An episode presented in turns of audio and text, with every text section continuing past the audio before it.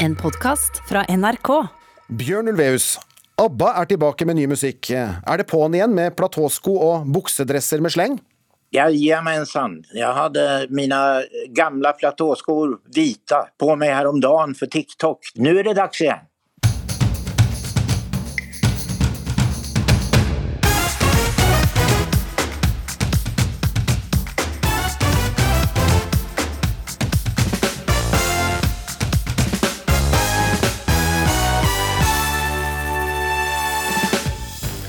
Etter 40 år kommer ABBA med nytt album. Til blandet mottagelse fra anmelderne.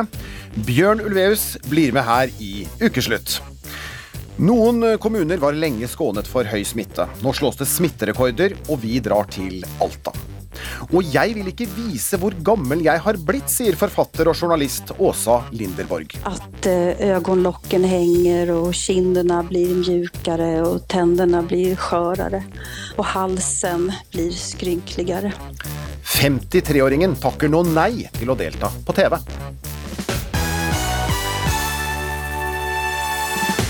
Velkommen til ukeslutt denne første lørdagen i november. Jeg heter Vidar Sem. Og i løpet av de neste to timene så får vår tidligere statsminister Erna Solberg en utfordring fra selveste Bjørn Ulveus. Så heng med!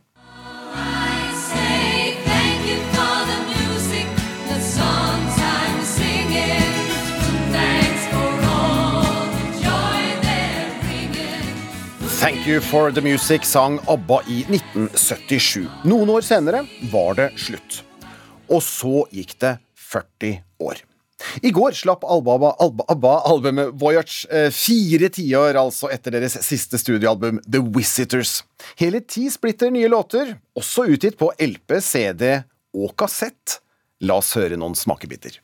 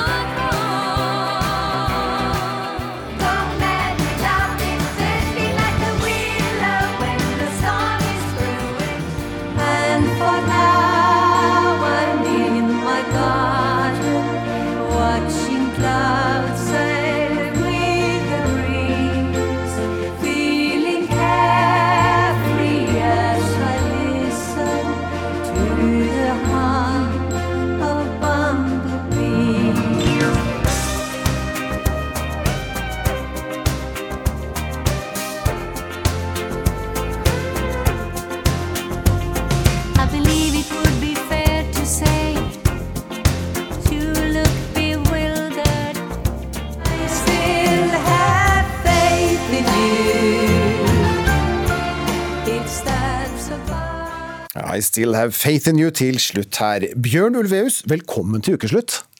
Takk så mye. Med i en av verdens mest suksessrike grupper noensinne. Og nå har dere gjenoppstått og er ute med ferske ABBA-låter. Gratulerer. Takk så mye. Ja, Hvordan føles det å slippe et nytt album etter 40 år? Ja, det er ingen som har gjort før, tror jeg. Vi er nå ensomme om det. Har du vært spent i forkant av utgivelsen? Ja, det har jeg. Og det, det er jeg fortfarande. Jeg er, kjenner meg ganske nervøs i dag, for at eh, man vet jo aldri hvordan det skal tas imot. Va? Det, det er en sak som man aldri noensinne kan lære seg, eller kan vite. Mottagelsen er litt så der så der, eh, Bjørn Ulveus. Eh, Albumet har skal vi si, fått middels mottagelse hos anmeldere. Hvordan tar du det? Eh, jag läser inte eh, recensioner överhuvudtaget. Så att, eh, för jag, jag, efter alla dessa år så är det fortfarande så att det kan, det kan, man kan få ett syng i hjärtat av det och det vill inte jag ha. Det, det, så jeg bryr med om å lese, helt enkelt. Ikke for å være slem nå, Bjørn Ulveus. Jeg skal eh, bare ta et, et par eh, som vi har plukket opp her. Og det er riktignok sprik da fra Dagens Nyheter, som skriver at albumet kommer til å få verden til å danse og synge. Til eh, britiske The Guardian, som skriver 'No thank you for the music'. Her, her i NRK så ga vår anmelder terningkast fem, faktisk, til eh, det nye albumet. Um, mens flere av våre store aviser som Aftenposten, VG og Dagbladet ga terningkast tre. Det der er ikke så viktig. Det viktigste som, som holder på just nu er liksom hur tar folk i gemen imot det? Hva hender på sosiale medier? hva sier de der? Uh, våre fans. Och hur, vad, är- vad är det för sug efter att uh, gå ut och köpa de här fysiska produkterna och hur mycket kommer att streamas? Det är det som spelar någon roll tycker jag. Det har kommet eh, mange reaksjoner eh, fra andre, og slik jeg skjønner så er det rekord i forhåndsbestillinger på, på albumet, i hvert fall i, i, i Storbritannia. Hvordan opplever du responsen fra fansen? Ja, den är, det er jo helt fantastisk. Det, det er så mange som har hållit ut under alla år och, och så många som har kommit till.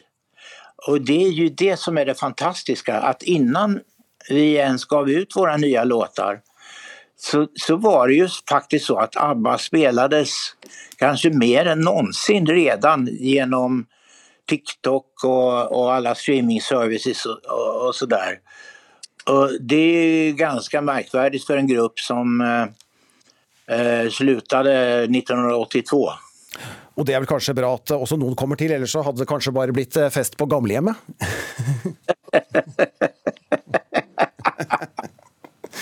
Ja, ja. Hvor mange nye fans tror du ABBA får eh, nå, Bjørn?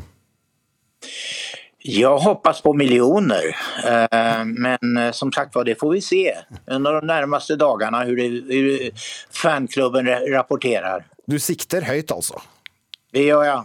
Det er altså 40 år siden dere ga ut et album sist. Eh, Da, da var det to par som skilte lag, for du var jo sammen med Agneta, og Benny var sammen med Anni Frid. Etter det har jo dere gutta får vi si, vært produktive sammen med bl.a. musikaler som Chess og Mamma Mia. Hvordan er det da å samarbeide igjen som Bjørn, Benny, Agneta og Anne Frid? Ja, det var, eh, det var som at tiden hadde stått still.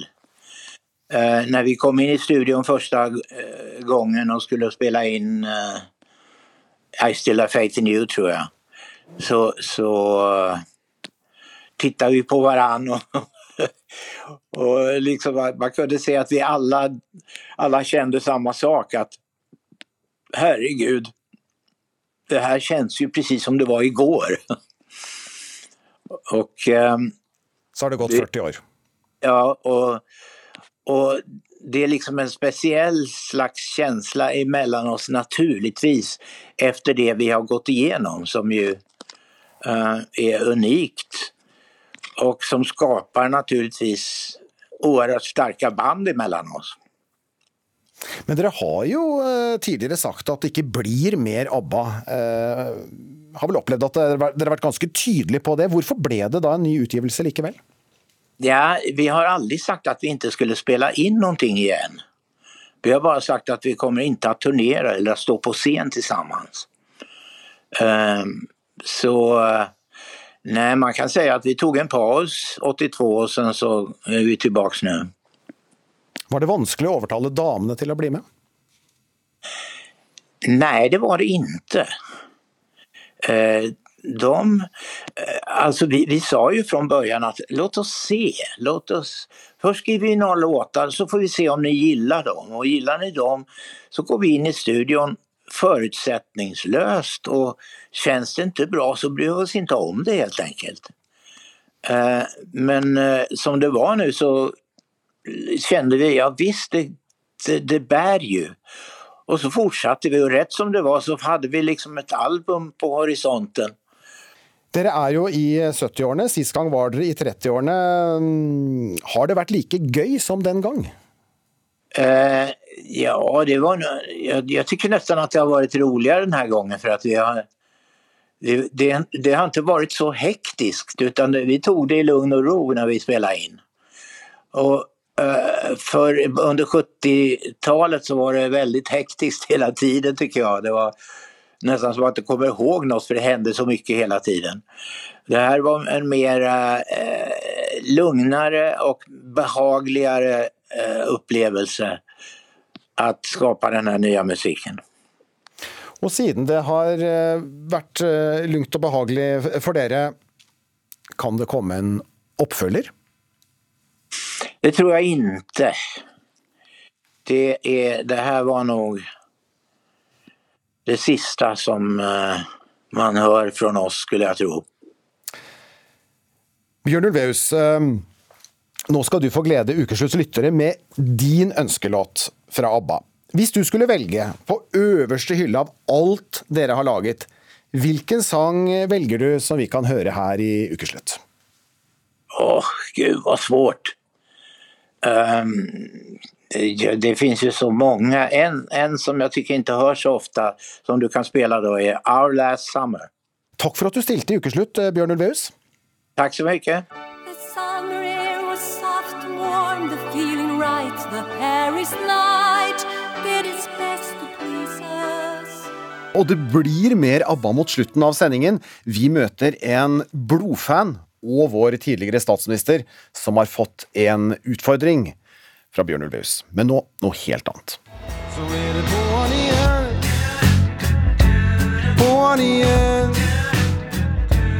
På'n igjen. På'n igjen. Ja da, det er på'n igjen. Smitteøkningen av koronaviruset i Europa er så voldsomt at Verdens helseorganisasjon trykker på alarmknappen. FHI her hjemme frykter en vinterbølge, og noen har begynt å uroe seg for hvordan det blir med årets julebord og julefeiring. Hørt det før?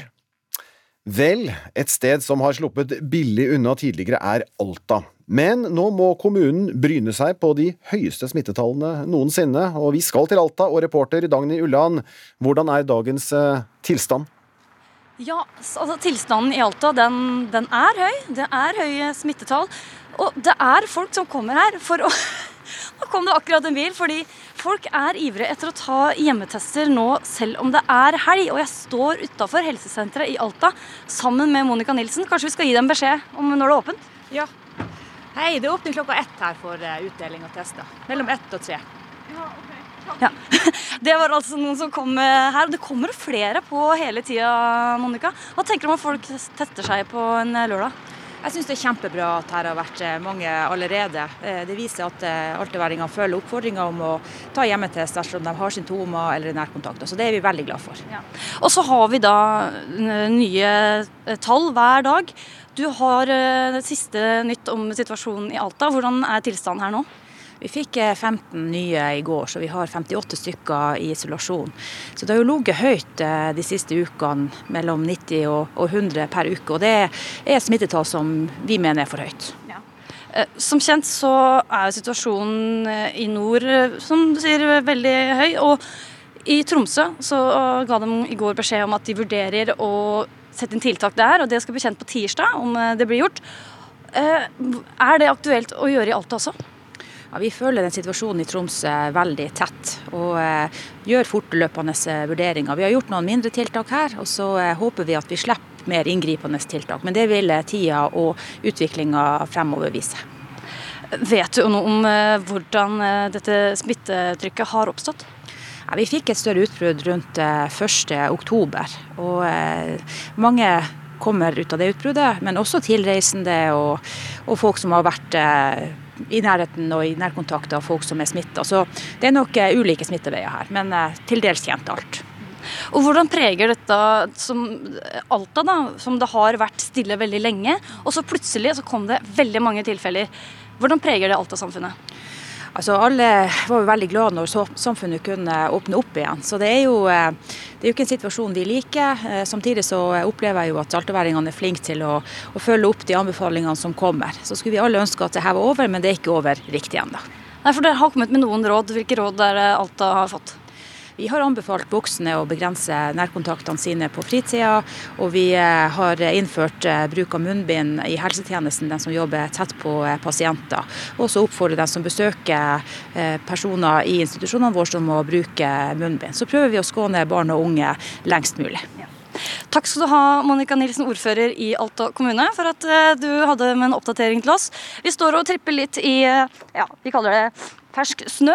For det har kommet et lite snøfall i natt, og så får, eh, kommer det enda flere folk her nå mellom eh, klokka ett og tre for å hente hjemmetester. Så det er i hvert fall status fra Alta akkurat nå. Takk skal du ha, reporter Dagny Ulland, med fra Alta. Og Preben Aavitsland, overlege ved Folkehelseinstituttet. Sist gang jeg hadde deg i studio, så snakket vi vel om at det var den pandemien eh, som du selv skrev. Ja, men nå er det på'n igjen, og krigsoverskrifter om Europa som blodrødt. Eh, Danmark, eh, der går det fra full fest til krise, skriver Aftenposten i dag. Smitterekorder, som her i Alta, som vi hørte. Noen begynner å snakke om at julebord og julefeiring kan stå i fare hvis pilene fortsetter å peke i feil retning. Hvor alvorlig er situasjonen sett med dine øyne? Den er ikke eh, dramatisk, men vi må være årvåkne nå. Og, og det vi er særlig opptatt av, er jo antall innleggelser. Vi ser at smittetallene er høye, men det er jo i stor grad eh, eh smitte hos barn. Eh, omtrent halvparten av de tilfellene vi finner, er hos barn. Og, og de blir jo veldig sjelden eh, alvorlig syke. Det er bare ett av 5000 barn som blir smitta trenger sykehusbehandling. Men vi ser jo også sykehus som går fra, til gult nivå. Ja, vi ser det. Og det skyldes ikke bare korona. Det er en samla belastning av, av mye. Eh, mange ulike infeksjoner som nå er på, på sykehusene. I hele Nord-Norge, som vi hørte om her, så ligger det altså 33 koronapasienter på sykehusene. Og, og det må vi si er Det er jo en del, men det, det er ikke dramatisk. Men vi skal følge med dette framover. Mm. Ja, så I Alta hører vi anbefalinger om munnbind og sosial liksom, distansering. Eh, Ligger julebordene i fare? Altså, når vi har mye smitte i, i samfunnet, og spesielt blant eh, barn og unge, så, så vil det jo eh, være en fare for at det sprer seg også til de middelaldrende og eldre. Og Det er der vi ikke ønsker å ha noe smitte. For blant, eh, blant folk som er over eh, 70 år, så, så vil kanskje en av 20 som blir smitta, trenge sykehusbehandling.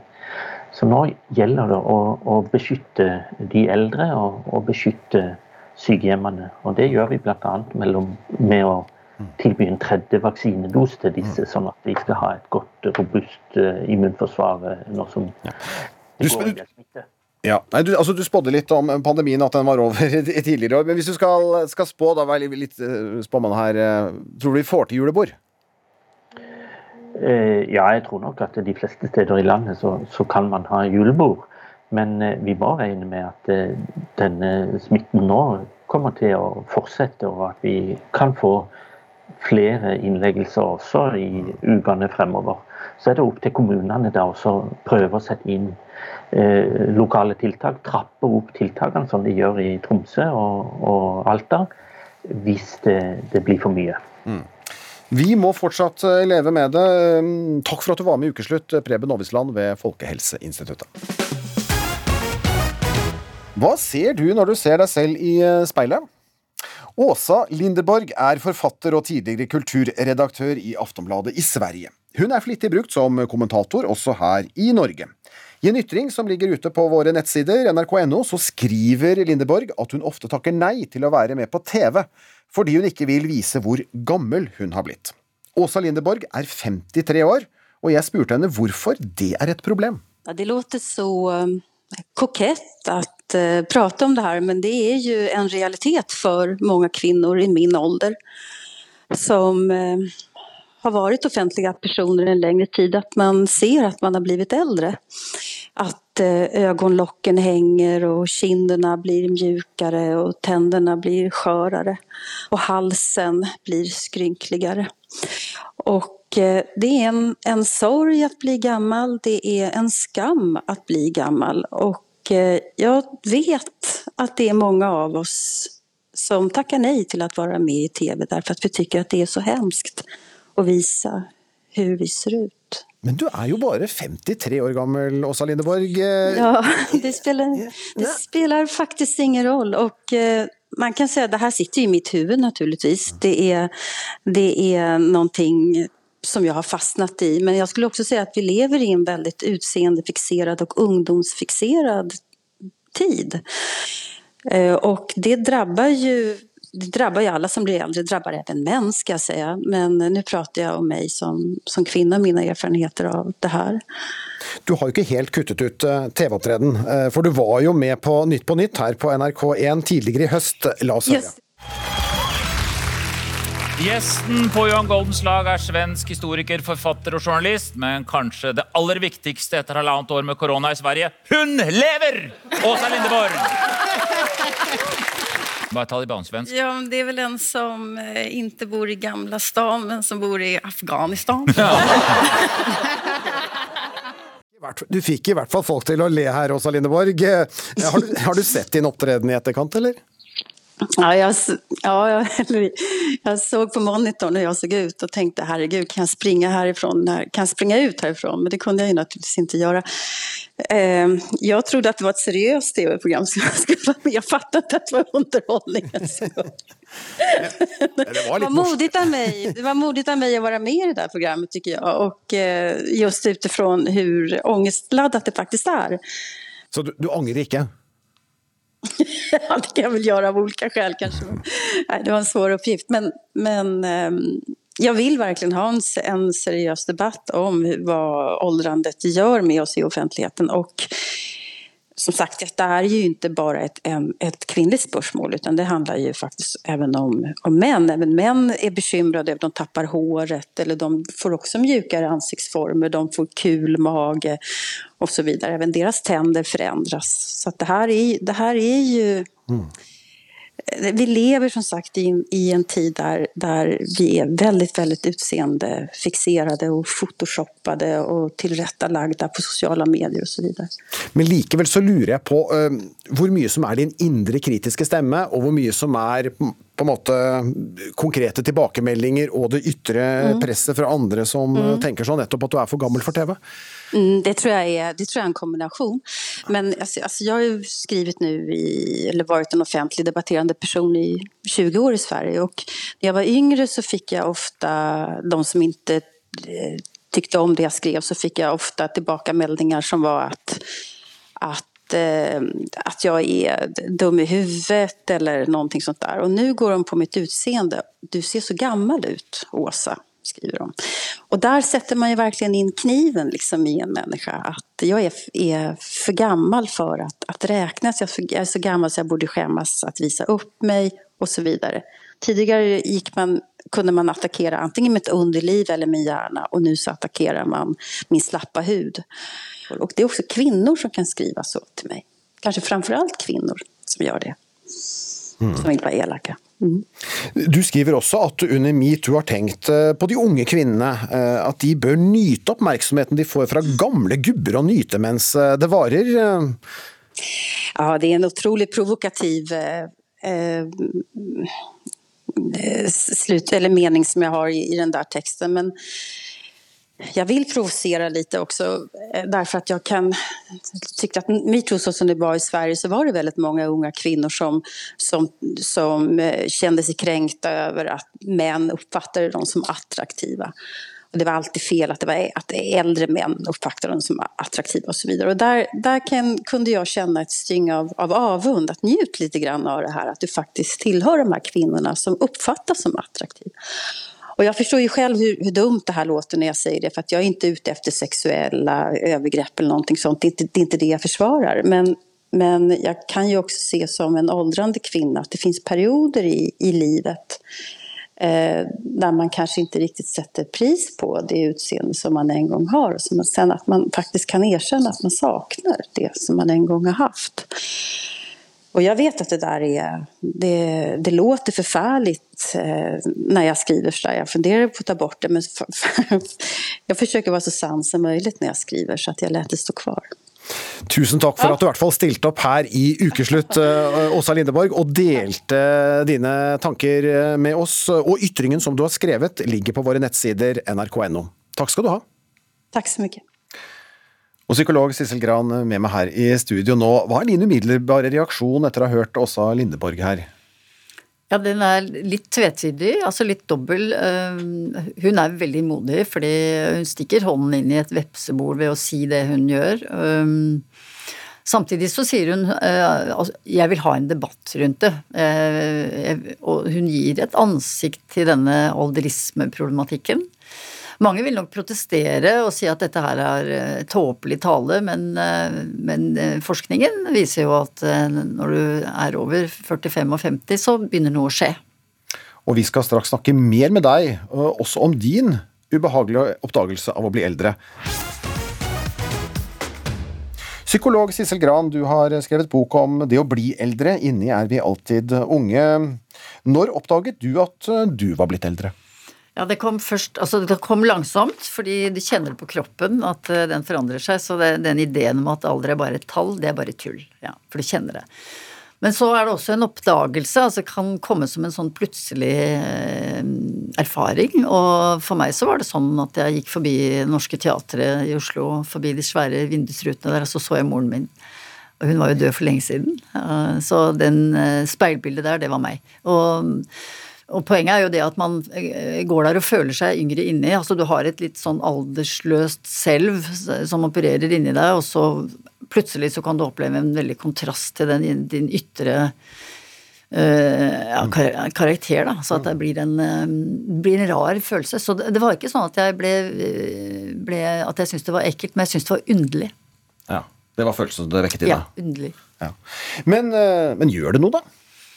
Nei, det, det hadde ikke gjort noe hvis ikke det var sånn at Sånn som um, mange snakker om da, når de er 50 pluss og 60 pluss og 70 pluss, at mange opplever at de blir mer, mindre relevante. Altså både i arbeidslivet og at de blir litt sett forbi. Jeg tror nok mange kvinner kan føle det litt tidligere enn menn, kanskje. At de blir sett forbi i, um, i en del sammenhenger. Altså ute på øh, gata, på en restaurant.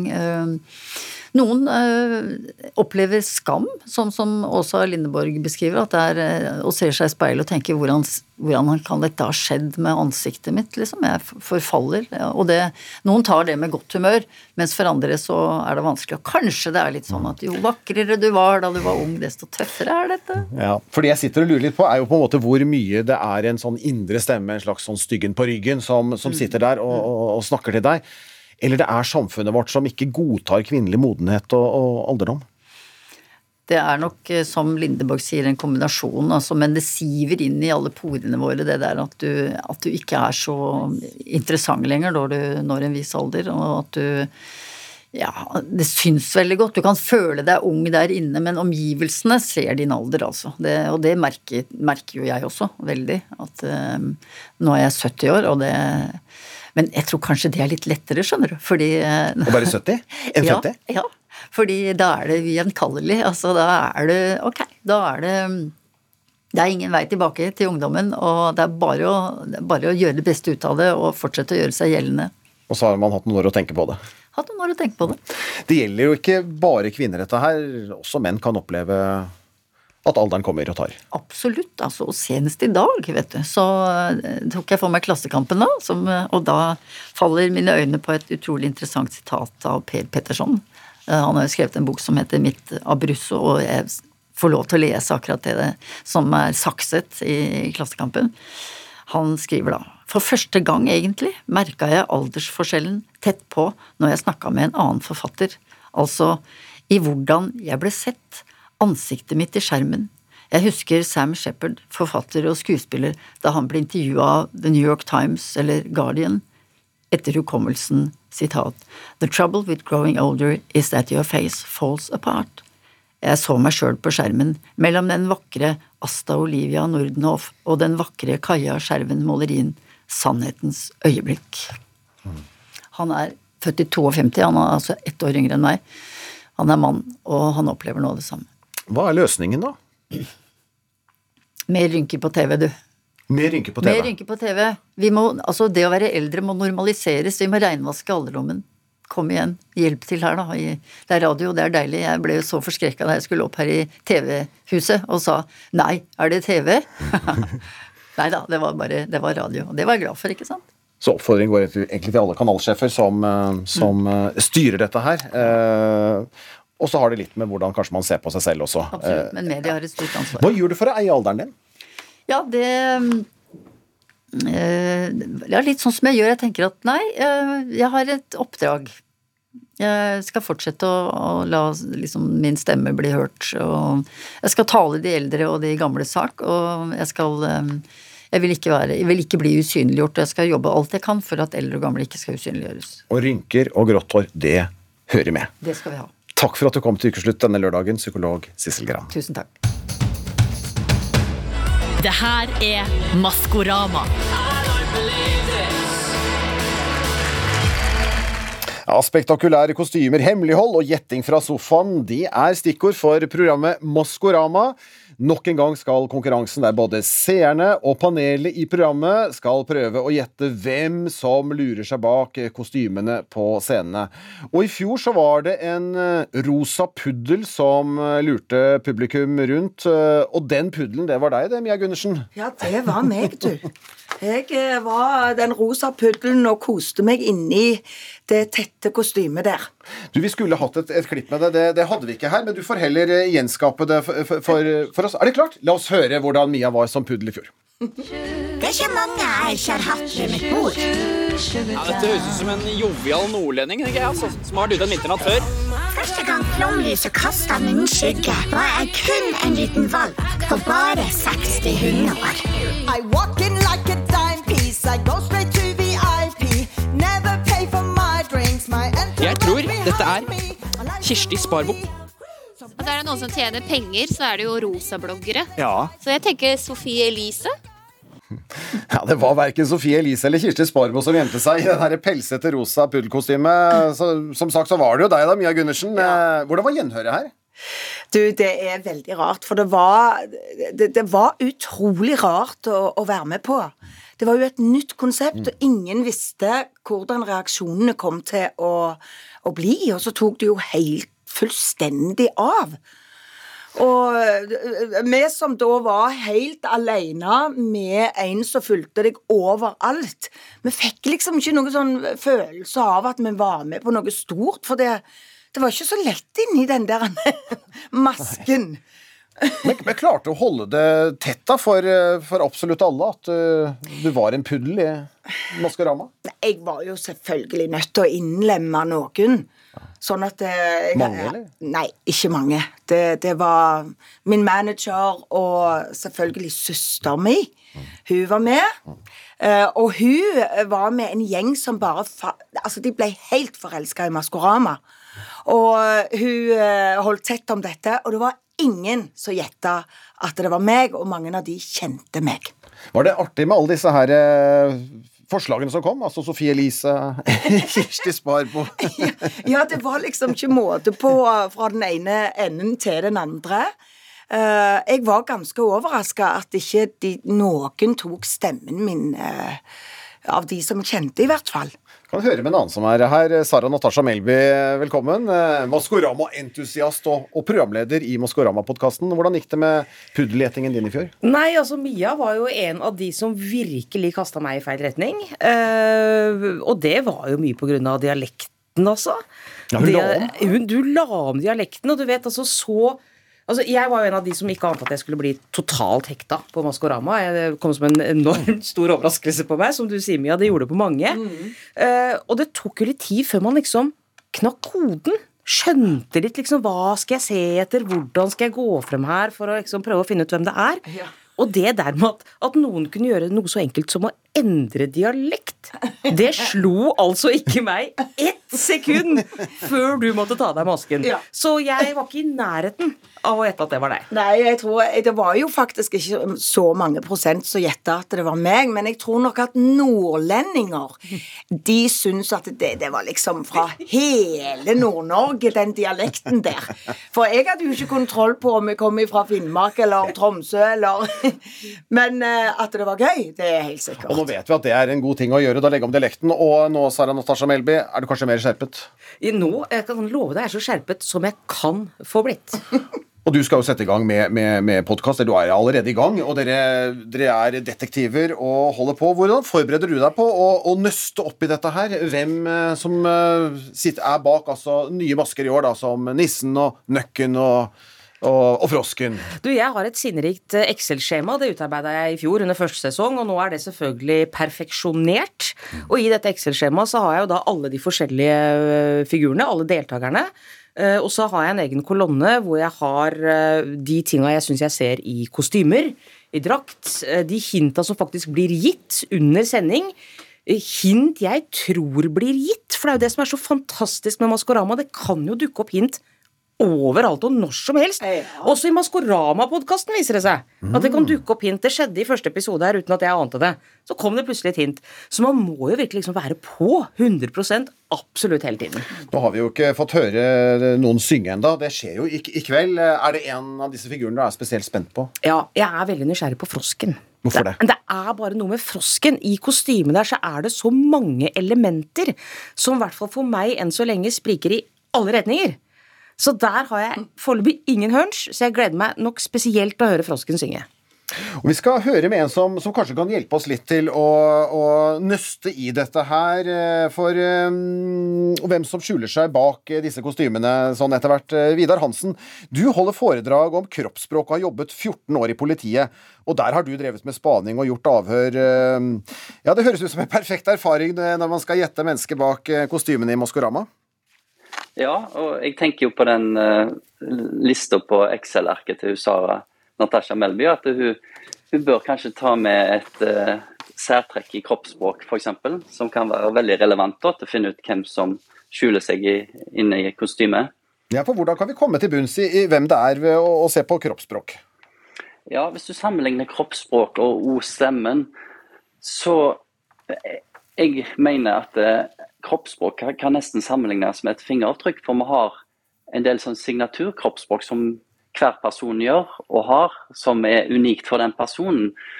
Og selv om en er coacha og trent på å ha et annet kroppsspråk i den situasjonen, som f.eks. Maskorama, så vil det alltid være øyeblikk der som en kan sannsynligvis avsløre det, da. Og du, I fjor så, eh, så spottet du ikke det norske Maskorama. Skjønte at ikke du fulgte så nøye med på det, men den britiske versjonen, eh, der spottet du at det var Morten Harket som var eh, viking. Hva fikk deg til å gjette riktig?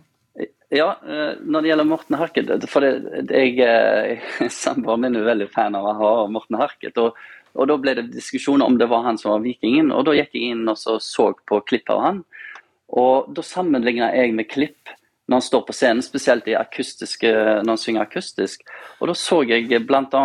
at eh, Du hører jo på stemmen, sant? du begynner å legge merke til den. Kanskje litt vibrasjon der. Og så sto han ganske breibeint. Det gjør han jo når han synger konsert. Og så la jeg også merke til hendene. Det var litt sånn keitete. Han visste ikke helt hvor han skulle gjøre hendene. Og så ser jeg på klipp at han holder jo alltid nesten, nesten alltid i mikrofonen når han synger. Men det jeg avslørte han mest på da, det var det at eh, han har en tendens til å trampe takten med høyrefoten. Og det så jeg igjen på, på Seal, på den Crazy. Da, på slutten av der var helt nøyaktig likt. Og da kunne jeg si til henne at det er Morten Harket, og det, det stemte.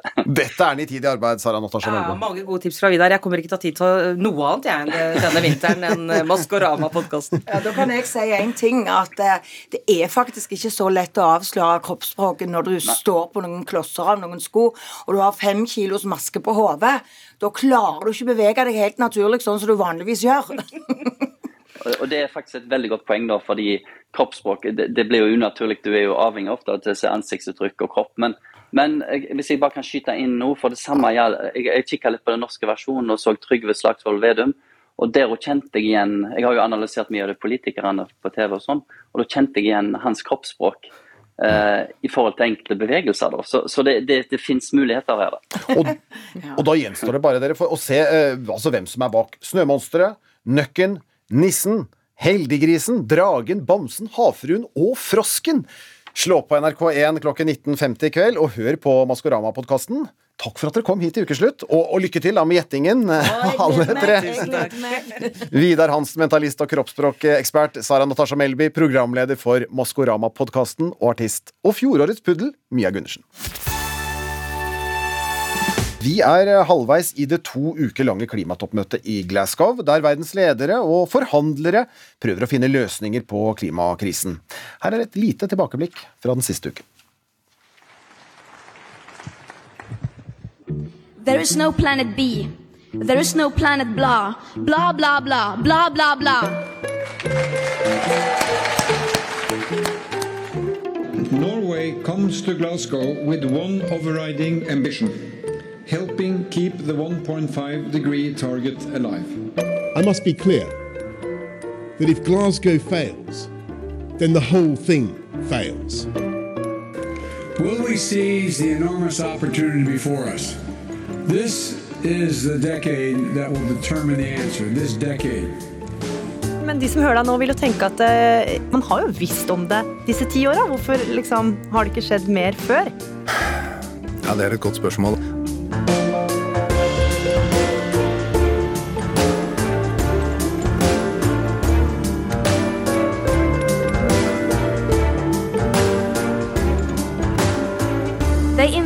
Cherry picked young people to meetings like this to pretend that they are listening to us.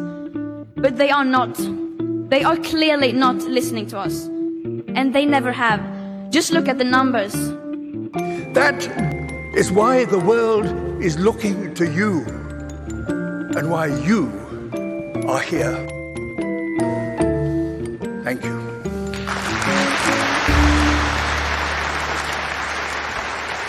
Ja, optimisme og pessimisme i skjønn forening, og utfordringene står altså i kø.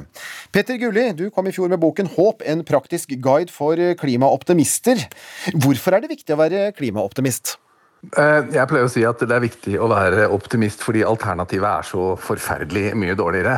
Eh, Og det er vel optimisten som sier at det kunne vært verre. Eh, Men jeg, tror jo på at vi har sjansen. Det er mulig å få det til, men vi må på en måte, hvis vi skal ha med oss folk, da, så funker Dommedag ganske dårlig som konsept. Jeg tror det var eh, Per Espen Stoknes som vel sier at vi må, ha, vi må gi folk tre gode nyheter for hver dårlig. Altså Vi er nødt til å skape motivasjon og tiltakslyst, ikke motløshet og apati inn i det grønne skiftet. Men legg også merke til han sier én dårlig for tre gode for hver dårlig. Vi skal ikke underslå at det er alvorlig. Jeg pleier å si at det grønne skiftet består av brutale sannheter og fantastiske muligheter. Men jeg tror vi må snakke mer om de fantastiske mulighetene også. Og det kan jo av og til være en utfordring, kanskje. Jan Fuglesvedt, klimaforsker ved Cicero, du sitter også i ledergruppen i FNs klimapanel, og dere la frem tidenes dystreste klimarapport i august. Dette går vel på optimismen løs?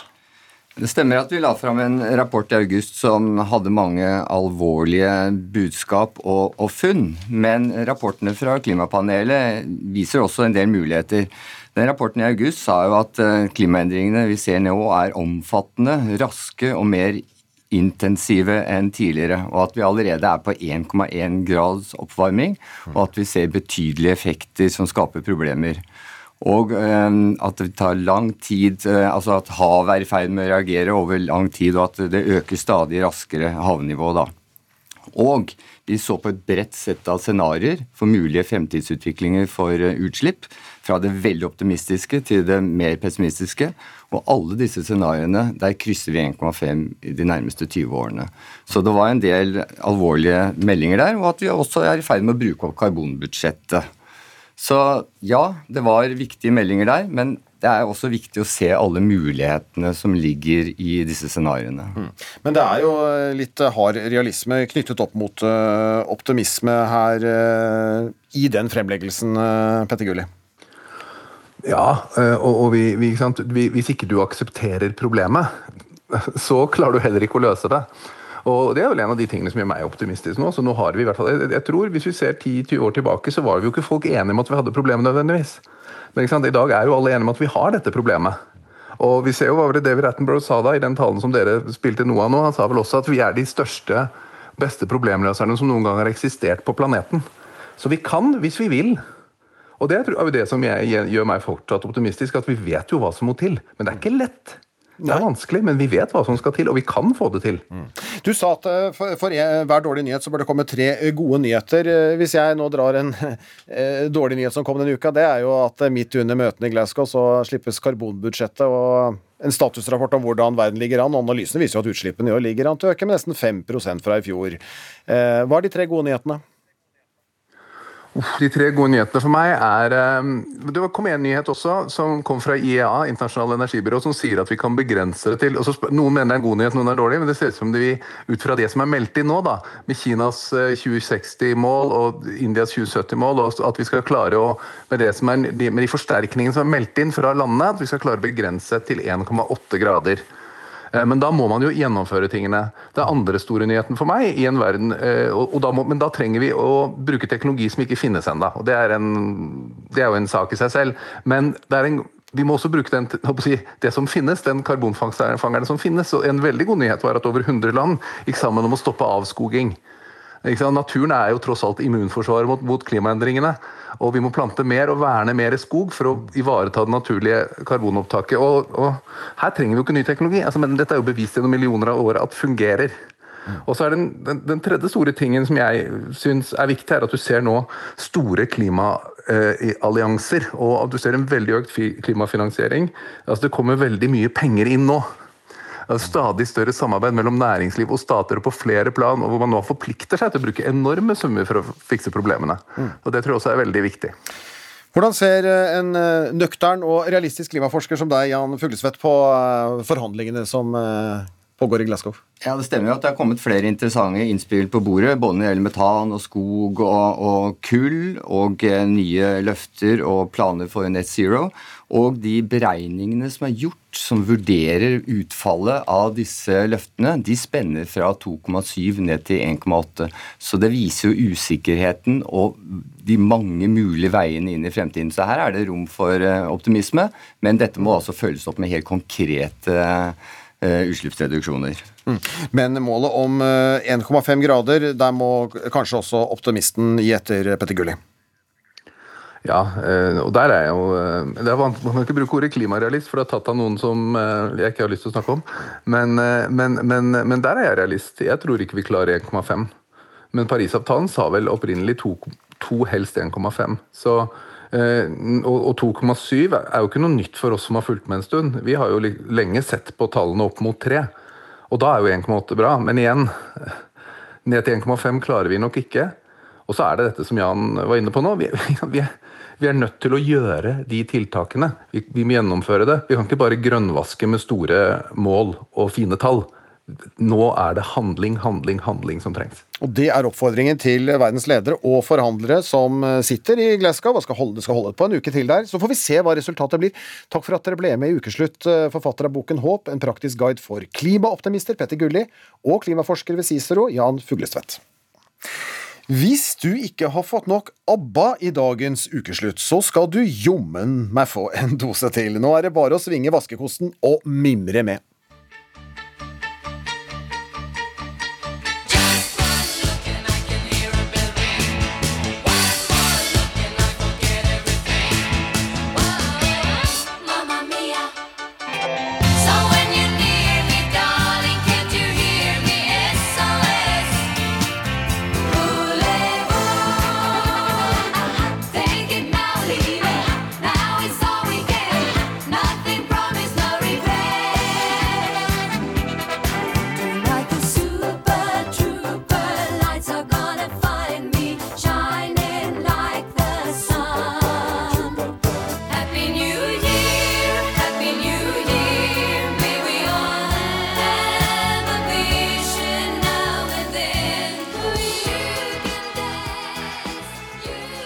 Vi ha med Dancing Queen også. En som sitter og mimrer her på eh, gamle ABBA-slagere med meg i studio. Det er deg, Bent eh, Lønnerussen. Velkommen.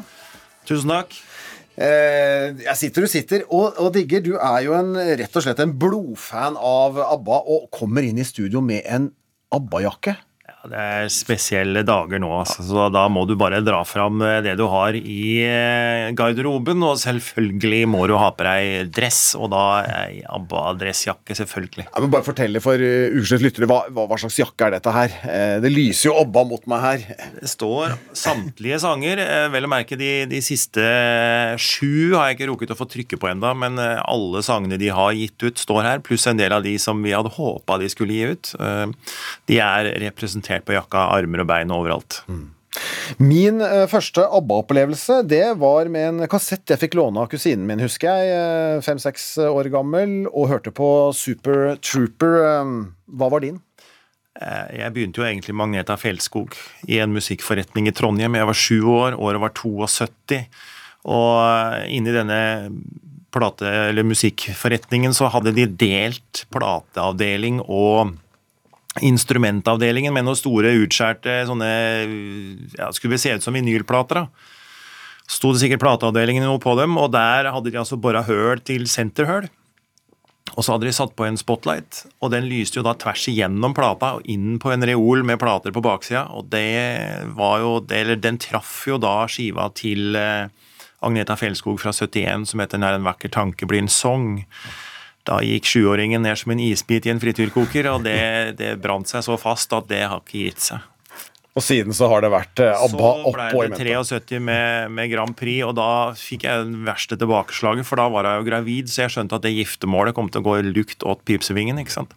Du var Men, skikkelig eh, forelska, du som, å, som sjuåring. Ordentlig fælt. Altså, jeg husker blodet forlot hodet. Og, men så sa min far at ja, men sjekk, der er ei til der. Så min far oppfordra meg til bigami og kjør begge to. Og det har jeg gjort siden. Ja. Men hun fikk jo sin uh, Benny og Bjørn, Bjørn mener jeg, og, og, og Agneta fikk sin Bjørn, og Anne Frid fikk sin Benny. Sånn var, sånn var det, vet du. Men du, eh, ABBA det har eh, rullet og gått hos deg, og du er jo en gårdbruker. eh, Kjører rundt med traktor, og der har du kanskje kassetter hvor det også går i ABBA? Nei, kassettspiller. Da blir det skikkelig dårlig lyd, men er det, så er det. Du må ha hele veien. Har du en spesiell favoritt av alle disse låtene? alle disse låtene som ABBA har, de har for meg så har de en tilknytning til en eller annen følelse eller et eller annet minne, så jeg kan nesten ikke si at den er best. Eh, Men når jeg har hørt det nye nå, så kjenner jeg jo at det kan risikere at det kommer ut en av de, altså. Ja, for det jeg lurer på eh, Hvordan eh, sov du natt til fredag, når disse her ble gitt ut? Jeg må jo innrømme at jeg var jo litt våken. Jeg hadde jo bestilt denne skiva så den skulle komme forhåpentligvis en dag før, men altså, det brant jo ei, ei skivepresse som gjorde at vinylen ikke kom. Og det var jo nedtur à la i giftermålet til Agneta gikk fisføyka. Men så da blei det å sitte og vente da, til dette her endelig ble sluppet. Jeg prøvde desperat å få tak i andre tidssoner og alt mulig rart, men eh, det blei jo noen lyttinger der. Men du klarer ikke å ta det inn så fort, fordi at det er så lenge siden sist. Så jeg måtte ta en bit av gangen, så det ikke skulle bli for mye, for du får overdose. ikke sant? Du får fullstendig overtenning. Og så blir du Du kan bli gå i sånn ABBA-psykose, ikke sant. For det blir, det blir for mye av det gode samtidig. Men forelskelsen har sluknet? Nei. Sitter dønn. Ja, ja, ja. ja. Oha. Men eh, hva syns du om, eh, hvis du skal kaste et terning da, for, dette nye albumet? Ja, Nå har jeg ikke så mye eh, sånne øyne på terningen lenger, men det hadde jo blitt en tolver tvert. fordi at Men det tar litt tid også å få dette her innunder huden. Men jeg kjenner jo det kryper jo inn i hele registeret her, og det, dette her kommer til å bli storveis. Og det er, de er altså, dette er en oppfølger av The Visitors, og så har de brukt 40 år på å foredle dette her. Det er som whisky, ikke sant. Den blir bare bedre og bedre. Og her, er- her snakker vi jo Dette kommer til å bli storveis for meg, altså. Ja. God gammel whisky. Du har måttet vente lenge, da. Har måttet vente lenge med den som venter på, osv. ikke sant. Det er jo Dette blir helt kong. Og nå så gir de også ut eh, i fysisk format både LP, CD og kassett, og da blir det det nye albumet på kassett. På traktoren til, eh, til eh, småbruker Bent Og Lønnesen. vinyl, fordi at vinylen den gølver jo disse to andre mediene helt Det er, altså, det er en helt annen lyd, så det, det må til. Og så er du, jeg hørte også at du eh, har en annen jobb ved siden av å være gårdbruker. Du er eh, julenisse, eh, så det blir kanskje Blir det noe ABBA i julegaven i Det er gjerne ekstra tungt i år hvis det er mye ABBA-skiver til de nye generasjoner, for dette trenger de å få med seg. Og da må de jo ha hele serien, ikke sant. Takk for at du kom til ukeslutt. ABBA-fan de luxe, Bent Lønnerusten. For nå skal vi snakke med en annen som har mange gode minner med ABBA-låter, nemlig Høyre-leder og tidligere statsminister Erna Solberg. Altså, jeg syns jo det er sånne glade minner fra ungdomstid, ung voksentid. Uh, Kjempemorsomt. Jeg må jo innrømme at akkurat når de liksom kom, så var jeg litt sånn blasert eh, i begynnelsen og tenkte at eh, dette, dette Jeg hadde bedre musikksmak enn dette. Så var lillesøsteren min som var mest glad i ABBA i begynnelsen. Men du vet at etter hvert så bare gir du det over. For at eh, når Dancing Queen kom og alt det andre, så ble det både gøy å danse til, og det ble det har jo vært herlig å høre eh, både eh, ja, eh, Mamma Mia både i musicalform og i, på eh, kino. Og det er jo sånn at du kan jo Du tror iallfall at du kan mange av sangene eh, eh, ganske godt fordi du har hørt dem så mange ganger. Og det er glad musikk. Det er altså din, din søster som var uh, størst ABBA-fan, i hvert fall i starten. Så kom du etter Erna Solberg, og eh, jeg har fått høre at eh, dere to har hatt en årlig juletradisjon opp gjennom en god del år. Fortell. Ja, altså på julaften, liksom etter at julegavene julegaven er utdelt og kaffen og alt det andre spist og drukket og sånn, så har jo vi drevet på med sånn karaokesynging med PlayStation-maskin på ABBA-sanger. Um, der hvor du kunne teste. Eh, Vi holdt på med det i veldig mange år, eh, inntil våre barn og menn nå for et par år siden sa at nå er det nok. Nå vil vi egentlig ha litt fred på slutten av, julen, av julekvelden, istedenfor å høre at dere synger falskt. Så da måtte de gi etter for, Så vi kravene. ga etter. Alt for å ha god stemning i familien. Ja. Men du, Erna Solberg, vi tenkte å ta den tradisjonen til deg og din søster videre her i Ukeslutt, eh, fordi du har fått en liten hilsen fra en kjent mann. La oss høre. Hej Erna, det här är Björn Ulvaeus från ABBA. Jag har hørt at du har en spesiell speciell jultradition att du sjunger karaoke til ABBA-låtar på julafton. Det er ju fantastiskt om det er sant. Men da vil jeg sette deg på prov. Eh, kan du sjunga med i SOS? Ja, Erna Solberg, er du klar for litt karaoke? ja, det spørs jo om jeg klarer å huske teksten. Da, vi får se. Vet du hva, Vi går rett inn i refrenget. Eh, Det er litt, refrenget, skal vi gjøre det? Ja. Jeg kan kaste meg ut i sangen med deg, og så skal jeg ta første linjen, og så, Ja. så, og så, og så følger du eh, på. Skal vi si det sånn? Yes. Vi prøver.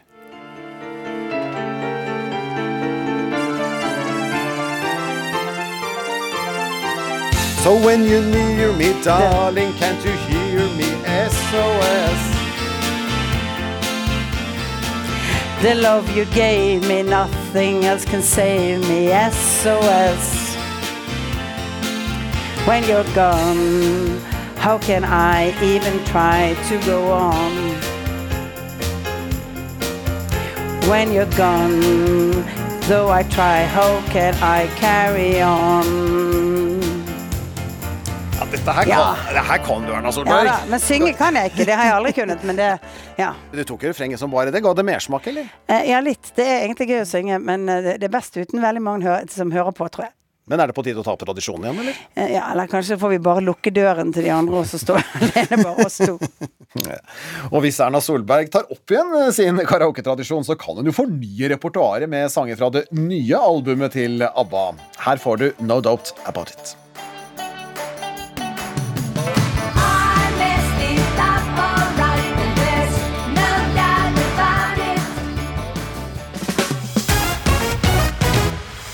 Ansvarlig for sendingen er Kristine Alstad, teknisk ansvarlig Eli Kyrkjebø. Jeg heter eh, Vidar Sem. Fortsatt god helg. Du har hørt en podkast fra NRK. Hør flere podkaster og din NRK-kanal i appen NRK Radio.